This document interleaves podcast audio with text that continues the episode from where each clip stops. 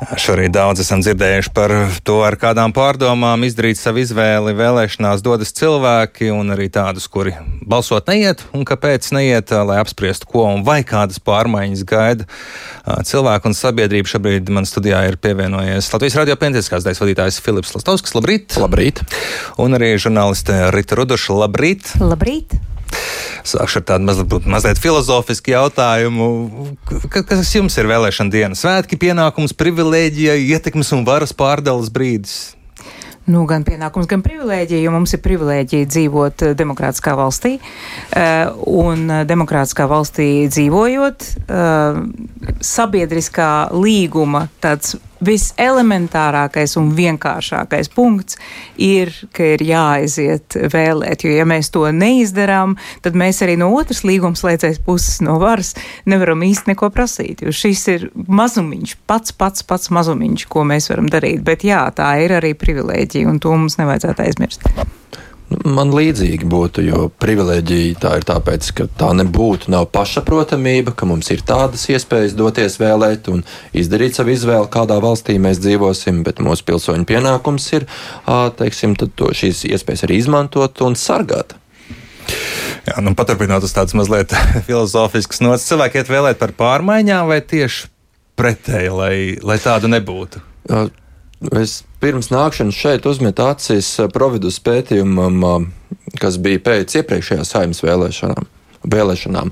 Un tajās divas trešdaļas cilvēku nu, aptaujā, kas bija pētījumā iekļauti, norādīja, ka labāk kaut kādas pārmaiņas, nevis nekā, nekādas.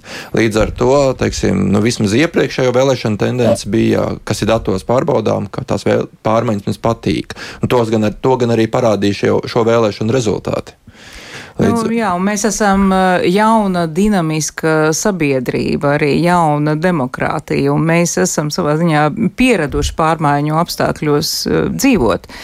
Nu, cik liels pārmaiņas tas ir cits jautājums, un arī, protams, kāds ir šī brīža aktuālais fons, bet es pieņemu, par pa to mēs atsevišķi parunāsim. Jā, kādas pārmaiņas uh, cilvēki grib? Jūs abi šajā priekšējā laikā daudz esat analizējuši partiju piedāvājumu, to nākotnes redzējumu ir kvalitatīvs piedāvājums, ir no kā izvēlēties? Pauze. Jā, nu ar, ar kvalitāti mums pieklibo, es teiktu. Un uh, man šķiet, ka tajā piedāvājumā ir uh, redzams, uh, ka arī pieprasījums, acīm redzot, no mums, kā no vēlētājiem, nav bijis pietiekami skaidri formulēts. Ja mēs paskatāmies uz to, ko partijas piedāvā savās programmās, un tomēr programmas ir tas pamata dokuments, uz kura pamata mēs varam izdarīt secinājums par, par konkrēto politisko spēku, šķiet, ka liela daļa partiju sevišķi jaunie veidojumi, sauksim viņus tā, uzskata, ka cilvēki vispār nelasa jā, šīs te programmas. Ka un, tas tikai video. Ka tas ir, jā, ka tas ir, ka tas ir tāds patiesībā um, liekas darbietilpīgs process tās rakstīt, un, nu, tad tas ir arī akmentiņš mūsu kā vēlētāju uh, dārziņā, ka no mums vajadzētu attiecīgi pieprasīt, lai lai tomēr tam tiktu veltīta uzmanība. Nu, tas, ka mēs esam nonākuši situācijā, ka ir partija, kurai ir programmā viens vārds, manuprāt, ir absurda. Otrs ir uh, jautājums par vispār uh, politiskās sistēmas kopīgo attīstību, uh, kāpēc uh, mēs uh, visu laiku uzkāpam tā paša grābekļos, ka uz katrām vēlēšanām tiek veidoti jauni, tieksim, politiskie izstrādājumi, es tā to sauktu. Ja? Uh, acīm redzot, kaut, kaut kur buksē, acīm redzot, redzot, daļēji tā ir arī um, pati sarakstu pieteikšanas kārtība un kurš tad tiek akceptēts kā politiska partija. Tas ir arī lielais jautājums par cilvēku politisko dalību un pilsonisko aktivitāti, cik daudz cilvēku darbojas katrā no partijām. Tad tas ir tāds komplekss jautājums, kas noved pie tā, ka es tomēr teiktu, ka tas uh, kvalitāte piedāvājumam, tur ir daudz, daudz kur augt lai tas piedāvājums tiešām būtu kvalitatīvs, un lai arī varētu noteikt, eh, kas ir šīs konkrētās partijas konkrētais unikālais vērtību kopums, ir diezgan daudz arī pārklāšanās. Un es domāju, tiem cilvēkiem, kuriem ir grūti izvēlēties, uh, es katrā ziņā esmu ar vairākiem vēlētājiem uh, runājusi, kuri, tiksim, pēc katras diskusijas atkal maina, maina savas domas, tāpēc, ka ir ļoti daudz, kas pārklājas. Un tad ir jādomā par to, kas tad ir tavs unikālais piedāvājums. Nu, kvantitātes ziņā jau, jau gan ir partiju un kandidātu. Ir ļoti daudz, un, un, un līdz ar to arī Latvijas radio pētnieciskajai daļai sanāca diezgan iesvīst šai priekšvēlēšana laikā, vērtējot uh, tos piedāvājumus, solījumus, un arī paskatoties, vai iepriekš solījumi ir uh, pildīti. Kāds tavs vērtējums par to mhm. partiju kvalitatīvo piedāvājumu? Partijas uh, nu, diena, gan pētnieciskā daļa, gan ziņu dienests uh, Latvijas radio pētīja padziļināti. Uh, nu, mans vērtējums, kā nu, iespējams subjektīvs, ir uh, tāds, ka šis partiju piedāvājums ir absolūts brāķis ne, tas ne tikai pieklibo, bet tam vienkārši nav abu kāju. Tas vēl varētu būt daudz drastiskāk sakāms, jo, ja mēs palūkojam, ir tikai dažas partijas, kuras ir saņēmušās izveidot garās programmas. Un starp šīm dažām garajām ir sarežģīti atrast tādas, kas ir izsvērti un precīzi atrunājuši, ko un kā viņas plāno. Teiksim, nu var atrast kaut kādus šajās dažās garajās programmās piedāvājumus, tur palielināt tur tādai un tādai nozarei finansējumu par tik un tik no IKP. Neviena atruna, cik ilgā laikā uz kā, kā prioritāri tas saranžējas ar citām prioritātēm, jau ir skaidrs, ka to visu nevarēs. Kad, tiek, kad šīs partijas tiek konfrontētas ar šo neskaidrību, kāpēc ir tādas plūstošas, dzīskas, vispārējīgas pāriešanas uz citiem jautājumiem, uz to, ka mums ir jāmaina kopējā izpratne, mums ir jāattīstās, tur ir investīcijas, jāpadara viedāks un kas tikai nē. Taču konkrēti tieši šīs programmas ir ārkārtīgi vājas. Un, manuprāt, lai gan vēlētājiem, protams, ir, kā Rita minēja, ir, ir, ir akmeņi vēlētāju dārziņā, jo mums ir jāskatās kritiski, ko mēs ievēlam, bet te ir nopietni akmeņi jāmet arī partiju dārziņos, jo tas nav pieņemami, ka mēs finansējam partijas, kuras nav spējīgas atbildīgi izturēties par to, kā izstāstīt savu piedāvājumu. Es, es varbūt bet, varētu atvainoties ātri piebilst, uh, ka ir, ir daudz populisma uh, partiju, partiju programmās, turklāt, turklāt populisms tādā primitīvā līmenī, kas ļoti atgādina 90. gadus un zīgaresta banānus. Mēs bet, bet kā to mainīt? Acīm redzot, tas strādā. Ja jau partijas to dara, tad pietiek ar to nepilno programmu, vispārīgām frāzēm, un, un vēlētājs tāpat bet vai nu tas, nu neiet vai aiziet. Kas ir, tas, kas ir tā latiņa, lai pateiktu, strādā vai nestrādā? Ja mēs paskatāmies uz vēlēšanu aktivitāti, tā tikai sarūk un šobrīd tā ir bīstami tuvu 50% robežai. Tā būs pavisam cita saruna mūsu valstī, kad šī uh, procent, procents paies zem 50%. Jo demokrātiskā valstī vairākums mūs tomēr uh, pieņem lēmumus, kā mēs esam nu, sabiedrības lielākā daļa. Bet, ja vēlēt aizies mazākā daļa, cik leģitīmas būs šīs partijas, uh, kuras atradīsies parlamentā? Nu, iepriekšējās vēlēšanās jau bija knapi virs 50. Ko sagaidāt šajās vēlēšanās no aktivitātes, kā jau minēja Filips Sarūks? tendenci turpinājumu, ja situācija pasaulē būs ko mainījusi un aktivizējusi vēlētāji? Nu, man ļoti gribētos cerēt, un uh, ir grūti izteikt prognozes, bet man gribētos cerēt, tā mēs to formulēsim, uh, ka Mēs esam sapratuši šogad uh, tieši Ukrainas kara kontekstā, kas ir brīvība un ka brīvība ir darbības vārds. Un ka par to ir, ka to ir jācīnās, un Ukraiņi to dara ar ieročiem rokās, bet tas arī nav kaut kas tāds, ko mēs, tiksim, uh, 89. gadā izcīnījām, un viņa vienkārši kaut kur dzīvo un ir. Nu, tā nav. Par to, ir, par to ir jācīnās, un jebkurā brīdī uh, var tai rasties apdraudējumi. Es domāju, ka tas, tas varētu, es ceru, katrā ziņā pamudināt uh, cilvēkus vismaz šo elementāro uh, demokrātijā, uh, kurā pastāv mūsu izcīnītā brīvība tev pienākumu pildīt. Uh, bet, jā, nu ir grūti, grūti prognozēt, bet nu, jūsu pašu uh, agrīnās reportāžas uh, liecina, ka tomēr ir cilvēki, pat redz, kur Jelgavā rindā ir sastājušies, bija diezgan daudz arī cilvēku, kuri bars, balsoja vēl pirms 1. oktobra. Nu, es esmu tā piesardzīga optimistiska. Nu, es esmu gan cerīgs, gan skeptisks. Cerīgs, tāpēc tas, ko Rīta minēja par to nu, potenciālo mobilizāciju un par drošības jautājumu nozīmi un par Ukrainas nozīmi.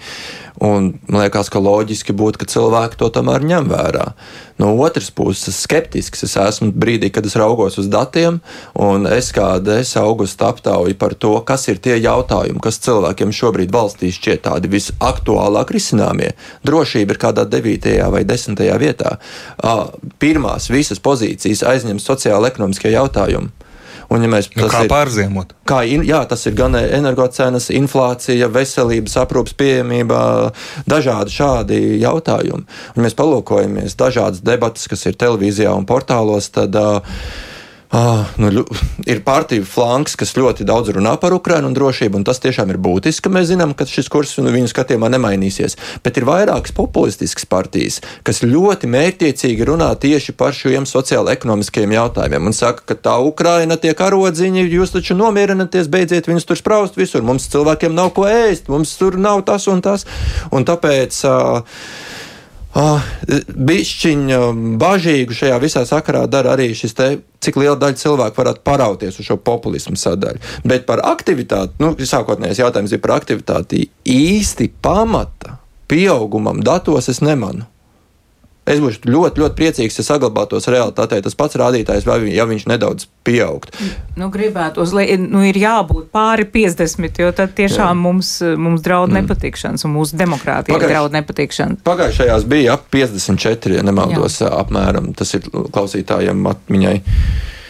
Bet, ko es vēl gribēju teikt, ir, ka ir, ir kaut kādas iniciatīvas, ko es šobrīd redzu, kas ir ļoti pozitīvas. Piemēram, cēsīs, kuri tiek rīkots jauniešiem un bērniem vēlēšanas. Un, un tas ir ļoti labi, ka, piemēram, ģimeni, ka ģimeniskums kļūst par faktoru, kāpēc lai iet uz vēlēšanām. Un, un tas ir iespējams. Es vakarā čatoju Vācijā savā ģimenes chatiņā ar, ar māsām, tur un brāli un pārējiem. Un, un tad stāsta, kā māsas meitiņa ir pieņēmusi desmitgadīgā savu nu, lēmumu, pieņēmusi lēmumu desmitgadīgi. Viņi skatās un, un viņa ir teikusi mammai, ka Klau, bet tas viens onkulis, tas viens onkulis visu laiku smaida, viņš visu laiku smējās. Bet, ja iebruks krievi, viņš taču arī smiesies visu laiku.